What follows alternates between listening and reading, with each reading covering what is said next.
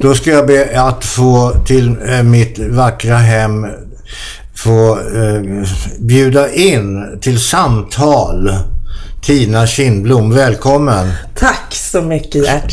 Kul att vara här. Ja, det kan jag tro. Ja. Hörru du, det är varmt idag. Det är jättevarmt. Ja, du var lite Ja. svettig om handen. Ja, vad är det? Har du handsvett? Nej men alltså, finns det handdeodorant? Finns det sånt?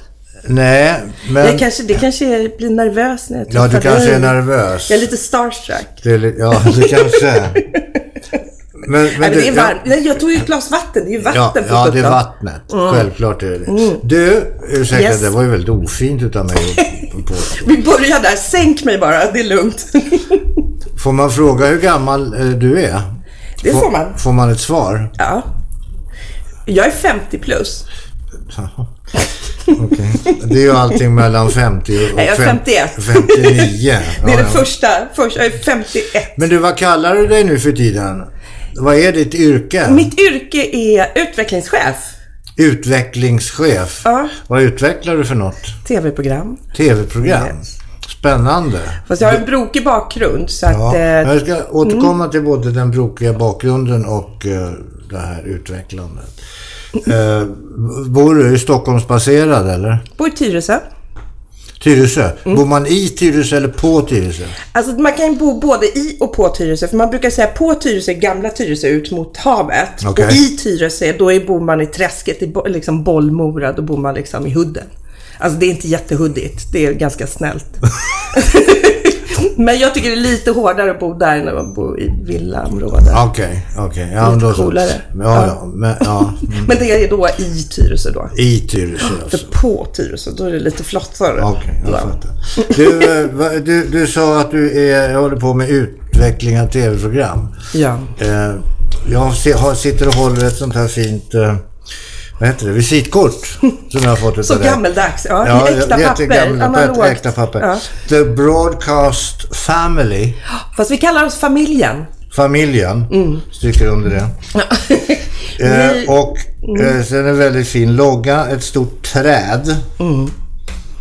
Har du gjort? Familjeträd. Ja, den har jag gjort. Och så ska det likna liksom en hjärna där också på något vis. Ser du det? Lite? Ja, Lite, lite ja, ja, vi diffust. säger, vi, vi, säger, lite. vi säger så. Men du är alltså Head of Development. Vad betyder development i sammanhanget? Utveckling. Att man utvecklar? Sitter och kreerar och är kreativ och försöker komma på bra idéer, roliga idéer, Okej. spännande, gripande eller Som sen man ska skriva ner Ja. och, och pitcha. Och pitcha. Och, det, pitcha det betyder att man går till olika tv-kanaler. Mm.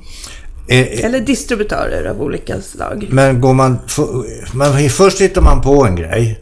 Och det här var en rolig idé, den skriver vi ner. Går man vidare, går ni vidare med den då till ett produktionsbolag sen? Nej, vi är produktionsbolag. Ah, ni är också produktionsbolag. Och så ska man då pitcha det för en... För, Och man kanske gör piloter och man Ja. gör visuellt material och så vidare. Men sen jobbar vi ju mot kanaler, men vi jobbar också mot företag och levererar redaktionellt innehåll. Jaha. För företag brukar också nu vilja ha sina egna kanaler och kunna styra vad de Alla kommunicerar. kan ju ha sin egen tv-kanal idag. Exakt. Och Jag sin har- egen podcast tydligen Ja, också. tydligen också. Jag har ju en, son som är 11 år. Han tittar ju aldrig på tv. Nej. Om inte jag tvingar honom att se någon romantisk eh, kärlekskomedi. Gör du det? Ja. Tvingar du din 11-åriga son att se romantiska... Är det för något slags utbildningssyfte kanske? Eller? Nej, nej, men det är mer därför jag, Ja. det är det jag tittar på fotboll. Så han och jag tittar på fotboll Romantik och fotboll? och fotboll. Ja, det är en romantik fin och, och kombination. fotboll. Ja, fin är det ditt spektra liksom? Det är mina två världar jag lever i. Eh, och sen, han tittar ju bara på YouTube. Ja. Och det är ju oväsentligt. Det är ju bara en distribution. Det är bara en plattform. Så vi jobbar med, platt, med olika typer Mm. Och han av innehåll. följer ju då några YouTubers, som, som de heter. Mm. Eh, killar som gör lite olika saker. Både svenska och eh, amerikanska. Eh, såna. Och de är väl så kallade influencers då va? Just det. Mm. Är du genom ditt arbete en influencer? Det kan jag nog inte säga riktigt på det sättet. Man influerar ju i och för sig för att du har ju ett innehåll som du vill ut till någon. Men jag, inte, jag sit- sätter inte mig själv i fokus. Då ska man ju vara, filma Ja, ja. sig själv och liksom... Du håller inte på och bloggar och... Nej, Nähä. det gör jag faktiskt Det var inte. omodernt. Ja, mycket omodern. Jag skriver med papper och penna ibland också. Ja, till och med det. Vad duktigt. Men jag, jag har ju jag har både Instagram och Facebook och så har jag Snapchat för min sons skull. För annars får jag inte reda på vad han gör. Nej, nej, det har men- jag mest för att spionera. Jaha. Säg inget.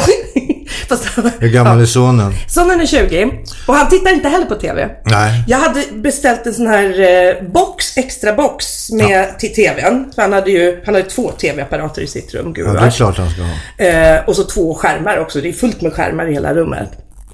Och så en box då med ett systerkort. Så jag betalar 98 kronor i månaden i två år. Det är ganska mycket pengar. Eh, och så kommer jag in till honom och säger Du, kolla Viktor, slå på sexan här ska jag visa en grej. Och då stammar han lite, "Eh, men den, jag tittar inte på TV på den där. Va? Vad tittar du på TV någonstans då? Nej men jag titt- där spelar jag Xbox, jag tittar i, på datorn eller jag tittar... Ja. Vad, vadå? Men är det inte lite så? Då var det så- så här, då har jag betalat i två år för något som han har inte ens kopplat in det. Nej. Så är det. Mm. Dum mamma. Så att det där, ja, nej, ja, snäll mamma. Snäll mamma. Dumsnäll mamma kan Mm. vi väl enas om då. Men, men folk tittar ju inte på linjär TV. Hur Alltså- kollar du själv? Kollar du på liksom play-funktionerna på? Har du en smart-TV? Ja, Ja. jag har en, en smart-TV men det är väldigt, väldigt sällan jag är inne och kollar där. Mm. Jag kan titta, ibland kan jag gå in och titta på SVT Play till exempel. Om det är Mm. någonting som, extra sådär som jag vill ha sett som jag har missat. Eller, men sen har ju alla kanaler har Mm. ju play-funktioner. Ja. Och Allt. man tittar ju när man själv vill titta, så det är ju sam, fortfarande samma innehåll. Det är bara att man tittar på lite olika för, sätt. För, för, liksom. för rättvisans skull så kan jag säga att min son och jag tittade på Bonusfamiljen tillsammans. Ja. På Play. Ja, men det finns, det finns ett behov. Trots att man, man tittar på två olika sätt. Dels tittar man på det här privata sättet, att man följer en serie och man så här, to- kollar på tio avsnitt på en gång och man gör det lite så privat. Men sen finns det också behov, och det märker man bland unga, det här är alltså en, en trendanalys på unga, ungas beteende. Det är att man vill samlas kring något och titta tillsammans. På en serie till Typ som Bonusfamiljen eller någonting sådär som man liksom förenar sig kring, lite lägereldsfeelingen. Så att man har liksom båda de där två samtidigt, att man har det individuella tittandet som man gör när man sitter på tunnelbanan och kollar på mobilen och följer någon serie eller något. Som den här Skam, norska, som så här korta, som liksom Ja, ja. lämpar sig för... Ja, den har jag inte sett, men- Har du inte nej. den? Äh, drittbra. Ja, jag har förstått det. det är så kul. Ja. Och, det, och det där är rätt viktigt under, under, under stunden att man Mm. tittar, för att annars har man ju ingenting att prata om på jobbet. Nej, det är ju lite det. Och det förenar. Så att det Ja. behovet finns ju fortfarande. Så det handlar ju om distribution och eh, titta, hur, hur man som tittare vill se och ta till sig. Och vilka medier man använder. Och det, är, det är ju, spelar ju ingen roll om du tittar i en mobil eller på en dator Nej, nej. eller på en TV-skärm. Ja, men bara- allting är ju dator Ja. numera. Men du, du, du har en ganska bred bakgrund. Har ju hållit på med teater, alltså Mm. vanlig teater. Ja, riktigt sån här som man står på scen Du står och på pratar scen på också. riktigt live. Var det där du började eller? Eh, ja, det var min första utbildning och det jag jobbade med, jobbade med i 12 år. Mer eller mindre. Då försörjde mig som eldslukare i Madrid. Jag bodde i Berlin när muren föll och jobbade med avantgardistisk eh, dansteater. Läste ja, tyska har vi lite dikter till elfilm. gemensamma... Mm. Har vi jobbat ihop? Det har vi. Tror du att det var med teater? Kommer Ja, du ihåg? Kommer nej, du ihåg? Nej. Nej. Alltså, jag försöker nu rannsaka mitt eh, sinne här lite. Gå igenom och bläddra För du lite. har väl också en teaterbakrund? Ja, eller? ja, oh ja, det är ju det jag har. Det är det du har, ja. Så hamnar man i TV. Så hamnar man i, hamnar man i TV. Där var ju allting på, liksom, redaktionellt och på liv och död. Jag vägrade göra kommersiellt. Det skulle vara liksom på riktigt. på Men liv och död. berätta nu, jag är nyfiken. Var har vi jobbat ihop? Ja, det var inte i teatervärlden. va? TV-världen? Nej. Radiovärlden? Ja. Bingo! Bingo! Ja, radiojobb började jag ju med 2000. Mm. Och då jobbade jag på, eller gör jag fortfarande, på, på Rix FM. Det var på Rix FM. Vi börjar närma oss här. Ja, jag frilansade, så jag var inte där hela tiden. Så att om du inte kommer ihåg mig så, så är det okej. Du har redan klagat på min handsvett och sen att jag har gjort ett totalt så här, noll intryck. Jag har inte kommer- klagat på din handsvett. Jag sa att du hade handsvett och jag, vi kom... Men vi kom överens om att det var vatten. Vattenglaset. Vattenglas var det. Men berätta nu då, vad gjorde vi?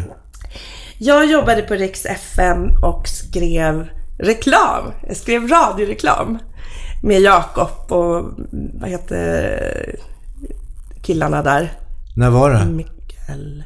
Det här var alltså runt millennieskiftet. Det var precis när det började. Ja, du måste, ja då börjar jag. Och då skrev jag nämligen en julkalender som du medverkade i. Och den hette Tomten är lila. Och var ett sånt här sponsrat samarbete med ett känt kaffemärke. Aha. Och den gick varje dag eh, fram till julafton. Det var 24 städer tror jag det var. Ja, ja. Ja, så att jag Okej. skrev då ett redaktionellt innehåll. Ut, Och jag var med och Du var gestaltade. tomten! Jaha. Du var självaste Se jultomten! där ja. Se där ja. Tänk att du har kunnat glömma det här. Det måste ju Ja. varit en milstolpe i din karriär, tänker jag. Ja, kanske. Jag rundade Kanske. milstolpen och Från försvann. indian, eller var indianen innan eller efter? Ja, den var före. Den var före, sen Jag har tomte. gjort... Eh, jo, nej men jag... Jag började med teater. Ja. eh, och har spelat mig runt de flesta teatrarna här i landet. Och sen hamnade jag... Jo, och sen så gjorde jag ju så kallad avantgardistiska grejer då. ja, men det är ju... Ja. Bland annat Kiviks marknad och eh, lite sådana saker. Eh, och sen hamnade jag på TV3 på Strix Television tillsammans med Robert Aschberg Just. och hans program Ikväll som det hette. Och året var 1989. I TVns barndom. Ja, eller den ja, kommersiella TV, TVn. kommersiella TVns barndom. Det var ju väldigt roligt då. Det var väldigt så fritt. Och då var jag, då, då, då, då, då gjorde jag ju väldigt mycket olika saker. Eh, som ingick då i Roberts program. Bland annat Indianen som du nu pratade om. Mm, och det var berätta, när jag det? mötte, jag träffade, jag skulle intervjua Clint Eastwood. Ja. Och då hade jag klätt ut mig till indian. Det var så det var. Och då sa Clint Eastwood när han You're såg the dig. palest Indian I ever saw. Men han tyckte det där var kul. Ja. Eh, så att, eh, för att fortsätta att spinna på den tråden och göra saker och ting lite märkvärdigare. Mm. Nämligen att min son Mm. bor sedan 30 år tillbaka i Los Angeles. Inte 11-åringen. Nej, Nej. 50-åringen. Och Du har flera söner. alltså, Ja, flera söner. En hel- Och han är restaurangchef Mhm. på ett ställe som heter Dantana. Så dit går alla de här Hollywood-kändisarna. Bland annat Clint Eastwood. Och han sa alltid till min son Hälsa farsan. Mm, flott. Flott. Ja, det var lite Ja, roligt faktiskt. Ja, ja, han lever ju fortfarande men han är ju jättegammal. Han är ju jätte, Ja, han är jättegammal. jätte, jättegammal.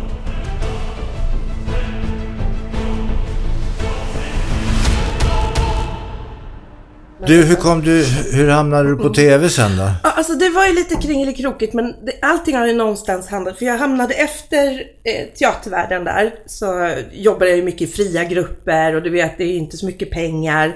Tar mycket tid och så. Så att då eh, fick jag en son, Viktor. Ja, Eh, och kände så här, oj, nu måste jag ha lite mer pengar.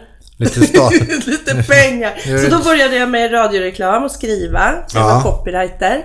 Och sen skrev jag också åt eh, webb och blev sån webbcopywriter. Jag jobbade ju, det var ju internets barndom där då. Ja, just det. Eh, så att jag jobbade med, med webb, om radio och sen jobbade jag lite så här åt bokförlag och ah, lite så i många år där. Och så tyckte jag så här, fasiken alltså här håller jag på i AD och copywriter och radio och jag saknade det här redaktionella från teatern. Okej. För det blev helt kommersiellt sen istället då med, jag var på en reklambyrå och ja, jobbade med musikbranschen mycket och gjorde skivomslag. Det var ju för sig ganska kul. Det var ju Ja. lite mer redaktionellt. Men det var väldigt kommersiellt. Och så tänkte jag så här, men TV är ju både kommersiellt och redaktionellt, kände jag. Där kanske. Jo, jo, men det är ju många, många som vill in i Ja. TV. Och, jag, jag Och kom- kön är lång. Ja, men jag trängde mig i kön. För, du gick före. Ja. Nej, vet du vad jag gjorde? Nej. Jag kände ingen Ah, i. TV-världen. Utan jag mejlade ut, jag gick någon eh, KI-utbildning inom TV. Okej. Jag hade gått i ett halvår, ett år eller någonting. Och den var två år. Och så, så skrev jag ett mejl till Modern TV. Ingick i Ja. MTG-gruppen. Mm. Ja. Eh, och Karl-Olof Larsson var VD då tror jag. Och eh, fick komma dit på intervju. Så tittade han på mig. Han satt i en sån här glasbur med en överfull askkopp. Tittade han på mig med pokerface, så här stoneface. Är inte du lite gammal för att vara en praktikant? Jag var 35 då. Och då sa jag, ja det kan man ju tycka. Men nu är det ingen i TV-världen som vet vem jag är. Så jag måste ju liksom få visa vem jag är. Så då är väl en praktikplats bra. Men jag, jag tänker ju inte vara praktikant särskilt länge. Jag har ju ganska Nej, nej. mycket i mitt bagage. Ja, ja. Ja, bra, sa han. Och då visste jag att han hade något på lut, för jag hade jobbat i flera år som teaterlärare på Kulturskolan. Så Okej. hade jag ju försökt Ja, mig. ja, ja. Och då hade de fått in, alltså Modern TV var ju ett sånt här intervjuprogram, mycket så samhällsprogram och Mm. val och väldigt seriöst. Men de hade fått in ett uppdrag, de skulle göra ett barnprogram. Mhm. Och hade ingen koll på vem de skulle, de bara, ja, sitta och det är timing.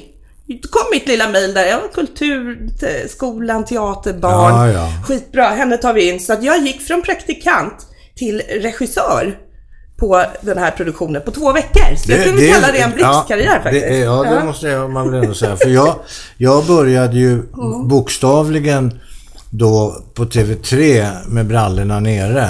Mm. Eh, därför att min inträdesbiljett var att göra den kirgisiska propellen, som det hette. Vilket innebär att man står på ett ben eh, utan byxor då, eller kalsonger. Och så hoppar man och så i bästa fall så snurrar snoppen. Oj! Ja, det kan du inte visa hur det går till? jag fattar inte. Ja, men det finns, Eller- nog, på, det finns nog på YouTube. Ah, ja, det okej. finns nog på ja, det, är, YouTube. det är inte någon Det var inget här. märkvärdigt Det inslag och det blev som- inget, inget större eh, väsen av det där därför att eh, ja, du, får titta själv och bedöma. Men du, om, om, vi, om vi nu säger du, Men- du blev regissör för ett barnprogram på modern TV. Vad är det märkvärdigaste du har gjort på TV då? Förutom barnprogram var väldigt, väldigt kul. Och jag trivs jätte... Jag kom, plötsligt så klickade ju allting helt rätt när jag hamnade i TV-världen. Det var precis som att alla mina spretiga begåvningar bara slupp, liksom behövdes och kom till nytta. Så att jag hoppade aldrig tillbaka till skolan igen, utan jag jobbade ju på. Sen har Ja, jag ja. jobbat sen dess. Eh, men det absolut stoltaste, eller det som jag är mest stolt över, det är en, en, eh, en idé som ingen trodde på. Alla var så här, nej men det där kommer aldrig gå, det är för smalt. Som jag utvecklade själv och kom på. Och det var det stora tårtslaget. Ett eh, tv-program där de tävlar om att baka såna här eh, fantastiska tårtor. Ja, just det. Ja. Hela Sverige bakar tårta. Tårtor som du aldrig har sett maken till. Baka För det här var tårta. lite nytt. När, när, när den kom, då var det så här, ja, men man har inte sett sådana tårtor i Sverige riktigt. Det var en liten sån här subkultur ute i landet folk höll på med. Sådana som har stått och bakat cupcakes. Ja, ja. Har liksom gått vidare. Så för att inom konditorvärlden i Sverige så är det väldigt preussiskt. Vi Aha. har en tradition där vi gör schwarzwaldstårt. Vi, vi följer det klassiska. Medan i andra länder, typ i England, USA, Brasilien, Spanien, Italien. Där har de har haft kolonier med Ja, just det. sockerodlingar. Eller så sockerrör. Ja, just det. Så att de har en helt annan sockertradition. Och jobbar på ett helt annat sätt och gör helt andra saker. Det kommer snarare från den delen. Okej. Och det är inte riktigt så här accepterat och flott i, i, liksom, i den svenska konditorvärlden. Men det to- stora tårtslaget alltså, det var din idé? Ja, Vad bra, men då är du rik och förmögen nu då? det skulle man kunna tro. Det är jag inte, för att jag... Eh, trots att det var motstånd, alla bara nej men det är för smalt, det här kan vi inte, det här kan vi inte göra. Så eh, utvecklade jag programmet och sen så till slut när jag skulle, jag skulle skriva avtal och det sköts på tiden och så vidare. Till slut så fick jag nöja mig med min lön och att jag fick ett namn på slutet som redaktör. Sen vart jag blåst på på Konfekten? konfekten. Men så är det i Ja, den här ja. branschen. Det är inte en jättesnäll bransch jämt. nej, nej, det är det inte. Och, Det är därför vi har startat familjen, för att vi vill jobba på ett annat sätt. Vi vill vara snälla och ha kul och vara kreativa och duktiga utan att behöva liksom... Men, men, men då var du alltså anställd på ett tv-bolag? Nej, eller? jag hade min egen, mitt eget Du bolag. har hela tiden haft och varit konsult då som det heter? Nej, Inte alltid. Jag var anställd på Titan i tio år. Okej. Eh, Men sen så när jag slutade på Titan så startade jag mitt eget bolag som heter Tiki Production. Det har jag fortfarande kvar. Jaha. Eh, Och då jobbar jag som konsult åt olika eh, Produktionsbolag. produktionsbolag. Och nu har du ett eget?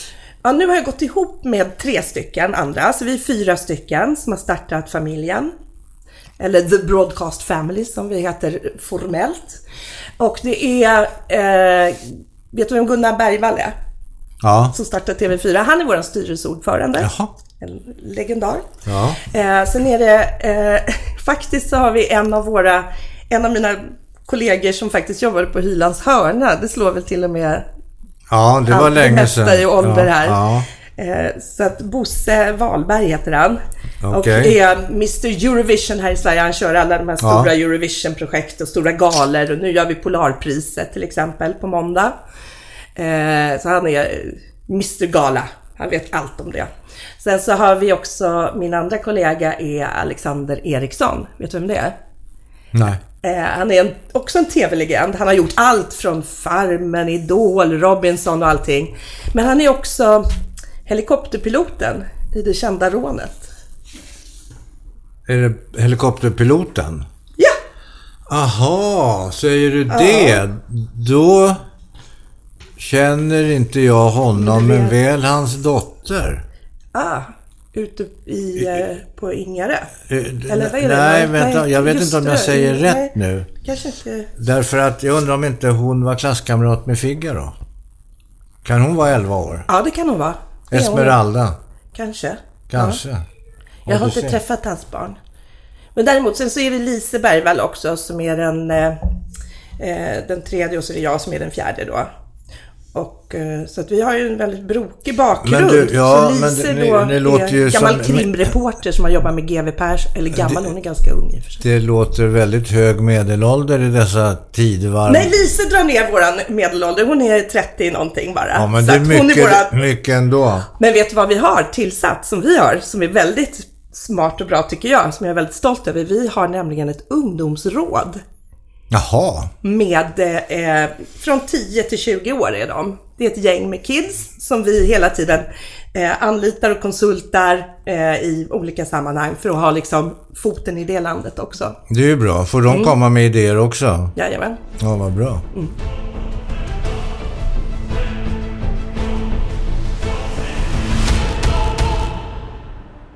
Jaha, vad ska du bli sen då när du blir stor? Sen när jag blir stor ska jag skriva böcker. Då ska jag bo nere i Spanien eller, eller Frans, i Frankrike vid kusten där kanske. Och, eller- Rivieran? Rivieran, Spanien eller Essaouira nere i Marocko. Det älskar jag också. Det är ett fantastiskt, fantastiskt Marocko? ställe. Ja, jag har varit i Marocko, men... men Har du varit i Essaouira? Nej. Det ligger vid Atlantkusten. Det är en gammal Nej. piratstad. Det är en sån här ringmur och Mm. alltså jättehäftig stad. Där skulle jag sitta och skriva böcker. Men du, för, för, ja, för ett tag sedan här, så drog ju den här stora metoo-rörelsen igång. Just det. Och där fick ju eh, jag säga, många inom media eh, både ris och många ros då. Eh, Kände du av det, eller känner du av det som, som du jobbar? Har, ni, har det blivit ett annat klimat, Ja, tycker du? Eh, jag tycker att det är bra att det kom upp, att det hände. Jag jobbade precis när det skedde så jobbade jag som redaktör på Äntligen Hemma. Jaha, Så jag där. hamnade mitt i den stormvirvelvinden som Jaha. skedde då i höstas. När- i höstas. Som idag faktiskt. Idag kom väl domen att han Ja, blev just det. frikänd. Att han blev frikänd, ja. Timell. Men eh, eh, det, som, det som hände där var väl mycket att programledare, att få, det är ingen som säger ifrån eller sätter gränser utan man, har, man lät dem liksom få vara lite besvärliga. Och om ingen sätter gränser och säger så här, men gud vänta, så där kan du inte uttrycka dig, så där kan du inte säga. Om ingen säger det, då skapar man ju monster av... Ja, och sen flyttar man fram gränserna hela tiden. Ja, om man, man inte, tycker att allting är okej. Det är okej ja. att säga, kalla någon för en skit eller att du är dum i huvudet eller vad, vad det nu är. När man är, inte sexuellt trakasserad, men att man liksom har en jargong där alla andra... Men det, det, jag kan tänka mig att det är lätt att få lite hybris om alla behandlar en runt om och inte sätter gränser. Så det är ju där tycker jag att det har skett något som är bra. De som är, de som är framgångsrika programledare. Mm. Eh, jag kunna tänka mig att det är lätt att få hybris, eller vad man nu vill kalla det för. En släng åtminstone är inte helt D Därför att, att eh, programledarna som leder de här stora inkomstbringande formaten för tv-kanalerna. Alltså, mm. Det är viktiga, viktiga personer. Det är väldigt det är viktiga personer. Det, det handlar ju om makt också. Det är ju ett maktspel att utnyttja makt. Det finns ju personer som verkligen klarar att ha makten och inte bli... Alltså kolla, vad heter det? Sagan om ringen. Gollum pallar ju inte att bära ringen. Och knappast Frodo, men han klarar ju det ändå. Så att det är lite så tycker jag. Men du, ja... Eller var det en konstig jämförelse? Nej, nej, du får jämföra hur du vill. Fattar ingenting. Men... Nej, men det är min son ja, okay, om ringen. Han är arg på mig för att han inte men, blev döpt till Legolas. Eh, det, det jag ibland, eftersom jag har jobbat väldigt länge, väldigt länge, 50 år nu inom så kallad showbusiness, mm.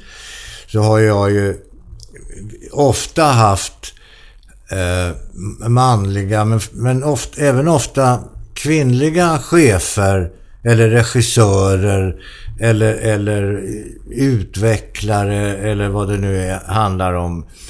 Eh, producenter och sånt där. Och, och ibland så, så känns de lite onödigt hårda. Mm.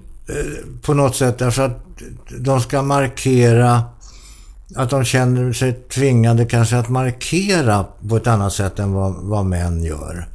Förstår du vad jag menar? Ja, jo, men det kan jag hålla med om att det finns en, en att du måste vara dubbelt så tuff, dubbelt så hård. Ja. Än vad, det är mer våld än vad nöden kräver egentligen. Jo, exakt. Men för att liksom slå dig fram, där killar har liksom kunnat glassa in på en liten, vara en liten skön snubbe och dyka upp och bara Tjena! Jo, men...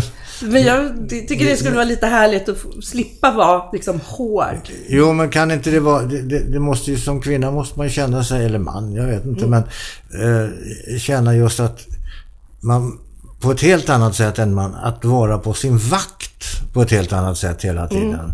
Mm. Mm. Därför att man, man, man vet om att är man chef som kvinna då är det jävligt många män runt omkring som sitter där och tycker att nej men hon är inte bra nog. Eller hon, hade det varit en mm. kille så hade det fan varit på ett annat sätt. Och då hade det, varit det flyger lite... mer under radarn kanske i det ja. här på det viset.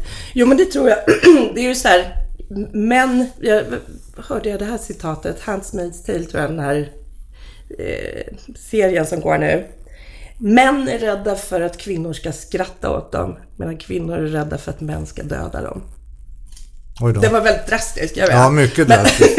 jag menar inte Bildrik, att de ska döda, men... Eller bokstavligt. Eh, men det finns en annan, alltså att män är oroliga för andra saker.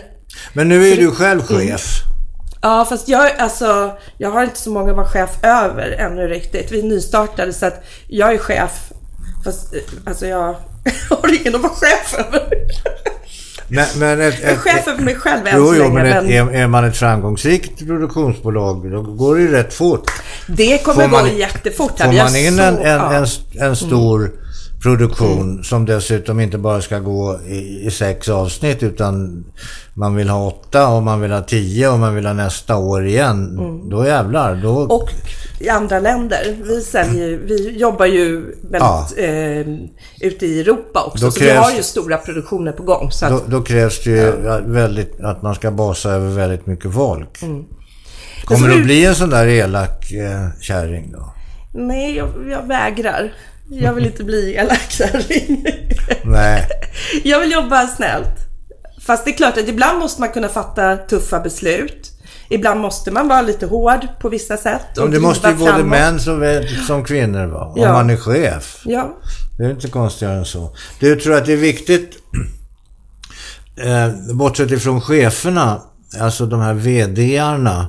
Tror du att det är viktigt att vi får in kvinnor som styrelseordförande. Det vill säga som är chefer på riktigt. Precis. makten- är ju bara låtsaschefer egentligen. Det är styrelseordföranden är ju, Det är där makten sitter. det är där makten sitter. Nu finns det, finns ju många eh, starka, bra styrelsekvinnor. Jo men Anna ordföranden. Och, eh, ja, ordföranden. Ja, men det är väl, då får... Ja, det är, det är lite grann som att maktens centrum alltid, att männen har hållit det. Förut så var makten i kyrkan, då var alla präster män. Och så flyttades det, nu får vi pleti och pleti, och kvinnor också var präster. Och sen politik, biskopar. Och biskopar. Ja, ja. Och sen så flyttades makten till politiken och då var det bara män. Och nu är ju den reella makten hos företag Ja. i ledningar. Och då, är det, då släpps ju, oj det är ju jättemånga eh, partiledare och allt möjligt nu som är kvinnor. Medan det fort, då, då, det, det är som att det här maktcentrumet, när det förflyttar sig, så, så, så, så eh, släpps det in. Ja. Så ja. jag vet inte riktigt vad man ska göra åt det där. Kvotera är jättekrångligt tycker jag, att, att det ska vara liksom på grund av könet. Man vill ju ha både, att du ska vara, du, men jag tror att det finns jäkligt Nej, men många jag, jag, tror, jag kompetenta tycker att det är värdelöst med kvotering. Jag Ja. tycker att det hela tiden måste vara en, Kompetens. enligt kompetens. Men då måste man ju samtidigt vara så bred då i sitt tänkesätt så att man faktiskt tycker att ja men nu ska vi se här. Nu har vi fyra, fem personer att välja emellan. Vilken person är, det, är bäst? Och så tittar vi på det. Sen tittar vi på vad han eller hon heter, vad det är för kön på höga vederbörande. Jag håller Det- med. det är ju- ja, det håller jag med. Det är ju sunt. Men saken är den att de där, vem gör det där urvalet på de där fyra? Det kanske är där, de kommer inte ens igenom det här nålsögat och är med liksom ens i rekryteringen. Att, att de här starka, duktiga, sjukt duktiga tjejerna inte ens liksom kommer fram dit. De kanske ligger där ute och skvalpar och är skitduktiga och ingen ser dem. Du kan vara världens bästa trollkarl, om ingen vet det så är det ju... Liksom, Men nu har jag sett, nu har jag sett på tv lite sådana historiska, i, i, ganska i närtid historiska ehm, eh, program om händelser, företeelser och så vidare. Och då har det ju visat sig att nu kan man äntligen börja erkänna att jo men de som fick upp de här raketerna i Amerika, det var ju kvinnor som kunde räkna på de grejerna. Det var ju inga killar som kunde och det har ju inte kommit fram. Ja, det är nu- andra som har tagit åt sig credden för Ja, det. Ja. Men, men det visar sig att det är... Sant. Mm. eh, Till och med det, det programmet som jag såg kommer jag naturligtvis inte ihåg vad, vad hon hette eller vad det hette. Det var till och med en svart kvinna. Mm. Som på 50-talet, 60-talet där började räkna på hur fan det ska gå med de här raketerna som vi ska skicka upp. Och hur de ska... Ja, Spännande. Och så aldrig fick cred för det. aldrig. Nej. Aldrig. Hon fick stå där bakom sen och titta. Det är som jag och tårtorna. Jo, Nej, men nu men- lyfter vi fram det. Ja, men jag tycker det är intressant också det här, ur det här perspektivet av att där kompetensen, är, när, när man blir bejakad i den så kliver man ju för att alltså då, då händer det ju saker. Ja, det blir roligare att leva. Alltså då, ja, Och, och att man, man känner att man vågar frigöra även andra tankar. Ja, och att samarbeta. Och jag tror ju, jag tittar på de som är kids idag. Där är ju tjejerna ligger ju före killarna i betyg, de är duktiga, de pluggar, de kommer in på linje, de ligger... Alltså killarna, det är precis som att de har, de har lite så här, Jag tycker tappat det och, lite. och har, ja, ja, ja, men jag tycker och har tyckt Mm. eh, och har själv gått i pojkskola. Mm.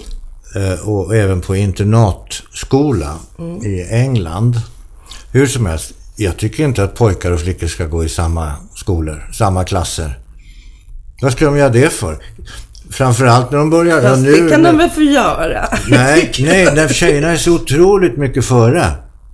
De är ju så före. Ja, ja, du menar Och så att de får... vet, vilken 14-årig, 15-årig tjej är ihop med en 14-årig kille när det kommer en 18-årig kille svänger förbi med en Volvo? Hallå? Ja, det är sant. Dags att vakna. Jag, jag gick ju i skolan på 70-talet och var väldigt duktig i skolan. Så här, presterade och var snabb. Men då var det inte så himla fint att vara duktig och snabb. För, för då skulle du vänta in de andra. Jo, det är det jag menar. Så jag fick ju sitta och rita. Det var därför Jo, jag blev grafiker. Jo, men det jag är det jag tjejerna får göra. De får ju sitta och rita vänta. Ja. De får bara sitta och vänta på killarna. Det, Så det jag tycker det är men det var- värdelöst. Ja, det var... Du, Ja. det här eh, Broadcasting Family nu då. Mm. Vad, vad, vilken typ av program? Är, är, är ett hjärteprogram eller? Vi har ju eh, vi har några starka ben som vi står på. Det ena benet pratar jag om där med, med galor och Eurovision och den typen av produktioner, Idrottsgalan och så vidare. Sen har vi ju andra typer av produktioner som är mer krim.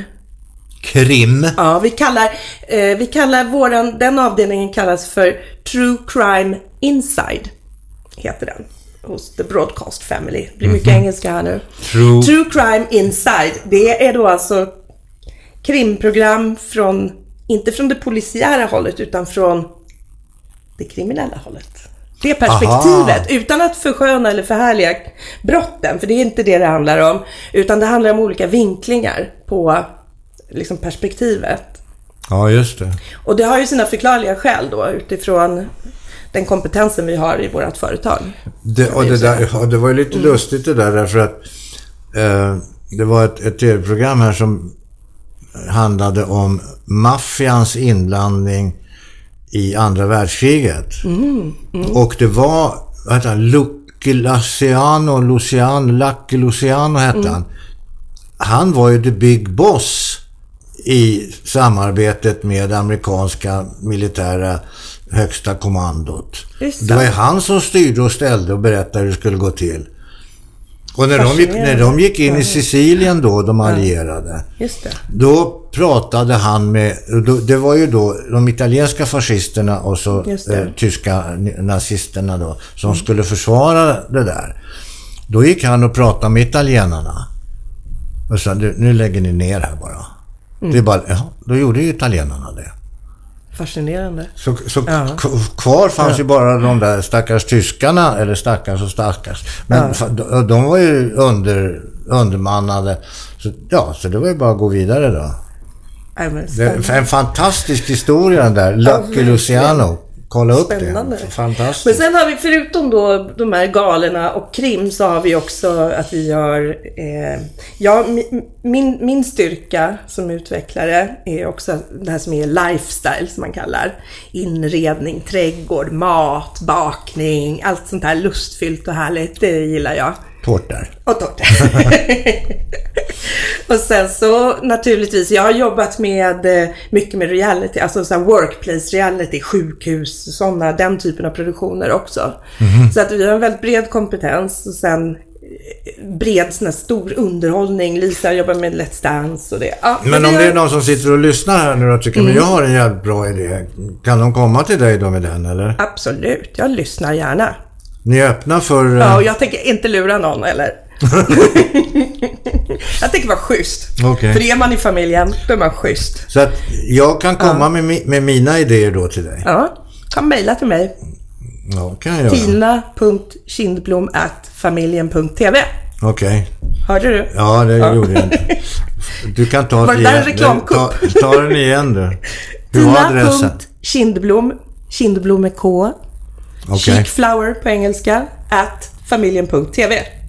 Alltså tina.kindblom at familjen.tv. Nu Ja, krånglar ja, jag till nu det har här. vi sagt det till Vad vad bra. Ja, vad bra. Ja, ja, men då, eh, då kan jag mejla dig sen då. Absolut. Ja, ska jag göra det.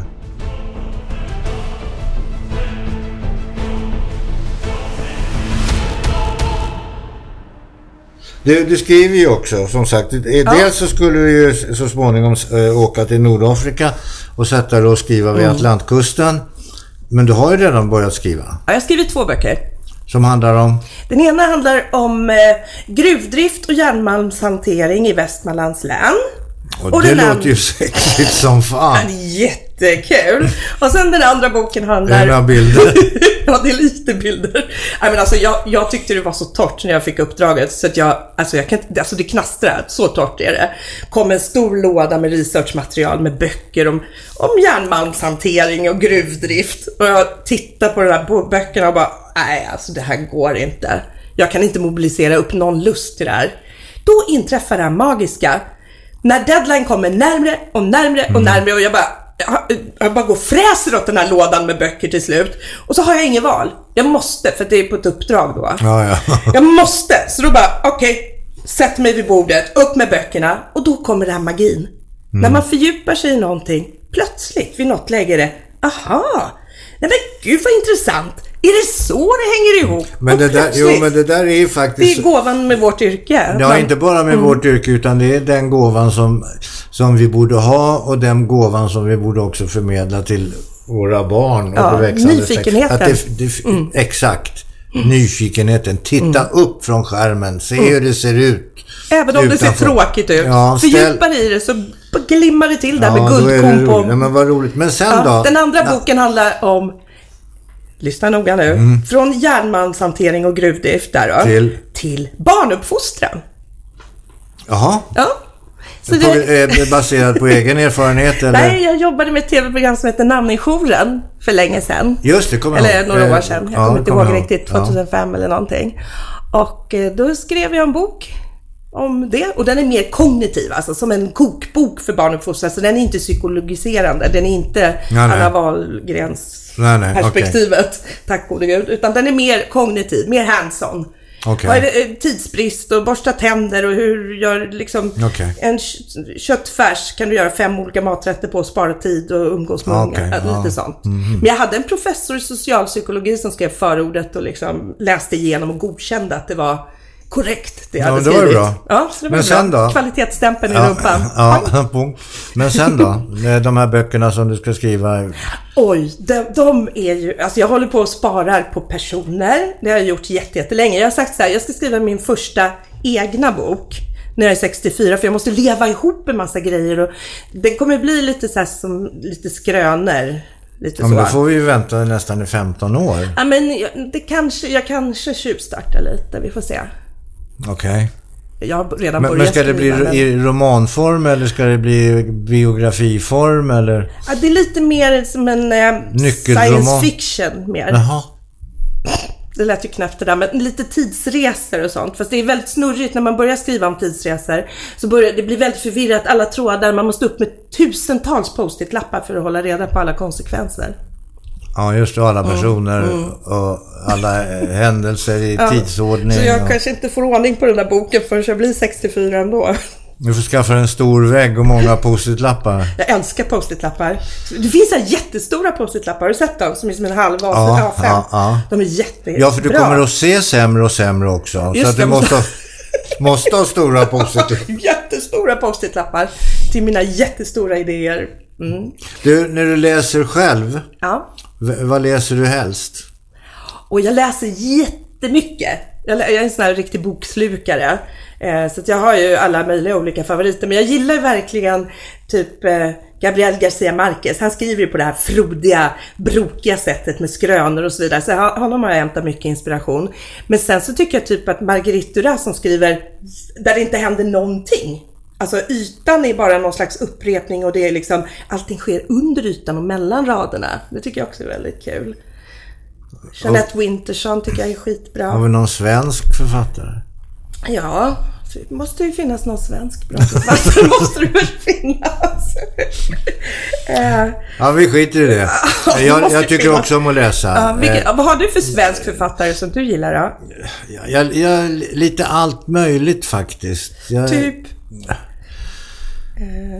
Jag läser deck... Jo, men Thomas Tidholm gillar jag. Jaha. Vet du vem det är? Ja. Ja, fast det är poet mer. Det är inte liksom jo. fiction. I så fall, då gillar jag Dan Andersson bäst. Ja. Sen läser jag Röde Orm.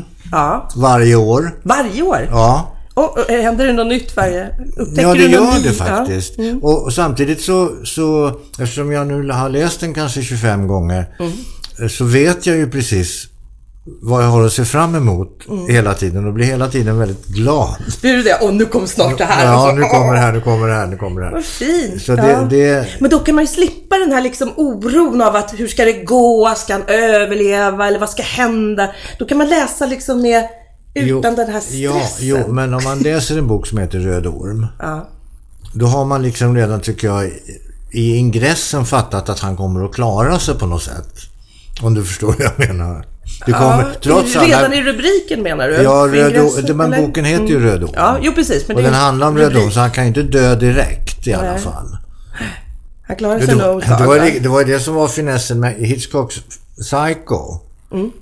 Då. När hon, som det största namnet där i filmen, Mm. hon blir ju mördad direkt. Det är ju det första som händer i filmen i princip. Men det trodde ju inte folk. De trodde ju att hon skulle komma tillbaka hela tiden. Det var ju det som var själva grejen med det. Det var ju rätt lustigt. Ja, du, Ja. vill du inte hålla på och filma och, och, och göra... Nej, laga mat vill jag göra. Laga mat, men vad jag tänkte på, vill du inte göra långfilm? Långfilm. Vi håller på med drama också faktiskt i familjen. Trodde man inte, men det, det ligger ett dramaprojekt och puttrar. Så det kommer jag nog att delta och jobba med väldigt... Det tycker jag är jättekul. Men skulle du vilja Skriva jobba... filmmanus tycker jag är roligt. Skulle du vilja stå framför kameran då också, eller bara bakom? Jag kan dyka upp sådär och vara ett lik eller någonting. Som Hitchcock alltså? Ja. och dyker upp lite där någonstans. Annars... Kliver jag på ju- bussen. Ja. Jag har ju, var ju, när jag jobbade som skådis så tyckte jag det var väldigt kul att vara framför kameran. Jag gjorde, jag gjorde en del film också. Eh, och eh, det var ju jätte, jättekul. Men just alltså den kreativiteten är, så liten och begränsad när man, tycker jag som skådis. Alltså jag tycker det är roligare att jobba bakom kameran och skapa Ja, och det skriva. där, ja det, där, det där är lite både och. Det är både och. Det beror på vem man jobbar med för sig. Ja, det är Men, det. eh, det, det. Ja, jag är fascinerad utav... eh, Vill du vara framför kameran nu? Jag är gärna framför kameran. Men eh, jag har ett stort nöje av att vara bakom kameran och skriva, skriva manus och sånt där. Och skriva repliker och sånt. tycker jag är kul. Dialog. Du, eh, eh, Filmmanus, vad ska jag säga? Är det någonting du vill fråga mig om? Vad vill du bli när du blir stor? Jag kan säga så här, för att på ett sätt svara på din fråga. Eh, Jag står i bostadskö. Jag jobbar... Och, eh, och där jag bor, jag bor jättetrevligt och jag bor jättebra, men jag bor i andra hand. Jaha, ja. Eh, och det finns ju en, en slags osäkerhetsfaktor inbyggt i det naturligtvis. Eh, men jag står inskriven i bostadskön, så ringde jag till bostadsförmedlingen. Och så sa de, ja du, jag vill se du står i kö här. Du, du kan påräkna en lägenhet om 17 år. Och då sa jag, men du vänta Men hur länge nu." har du stått? Ja, men jag har inte stått så länge i Nej, samband med att jag skilde mig då. Ja, jag fattar. Ja, men du om vi räknar på det här, då är jag ju 90. Tror du att jag kommer att behöva en lägenhet då? Mm. Så att, eh, ja vad fan jag ska bli när jag blir stor, jag vet inte. Jag jobbar på Bostadslös. faktiskt. Jag ska mejla dig. Ja, Eh, ska jag göra. Jag. jag. har några väldigt, väldigt eh, bra idéer. Kul. Och jag har en bra idé som är eh, som en tv-serie som är, Mm. är på, på väg till eh, Hollywood som det heter. låter intressant. Den är, intress- den är jävligt bra den. Kul. Ja. Det ser jag fram emot och det, det vill jag höra mer om. Ja, det Verkligen. tror jag säkert. Det tror du jag. Tina, Ja, ja. fan vad kul att du kom. Jättekul. Jag blev helt... Det, det, det, det är en väldig energi du utstrålar måste jag säga. Ja, vissa tycker att jag har lite väl mycket energi ibland kanske, men det, Nej, jag ser det tycker som en inte. tillgång det, faktiskt. det tycker jag inte. Nej, absolut Ja, inte. nej. Absolut inte. Jag blir väldigt stimulerad. Kul. Mm, tack. Jo, men det, energin är nog mitt signum. Jag är lite som en orkan. Tack så Tack. hemskt mycket Tack Tina för att jag fick Kindblom. komma. Tack. Ja, huruvida du har kommit eller inte, det vet jag inte. Men Förr eller senare. förr eller senare.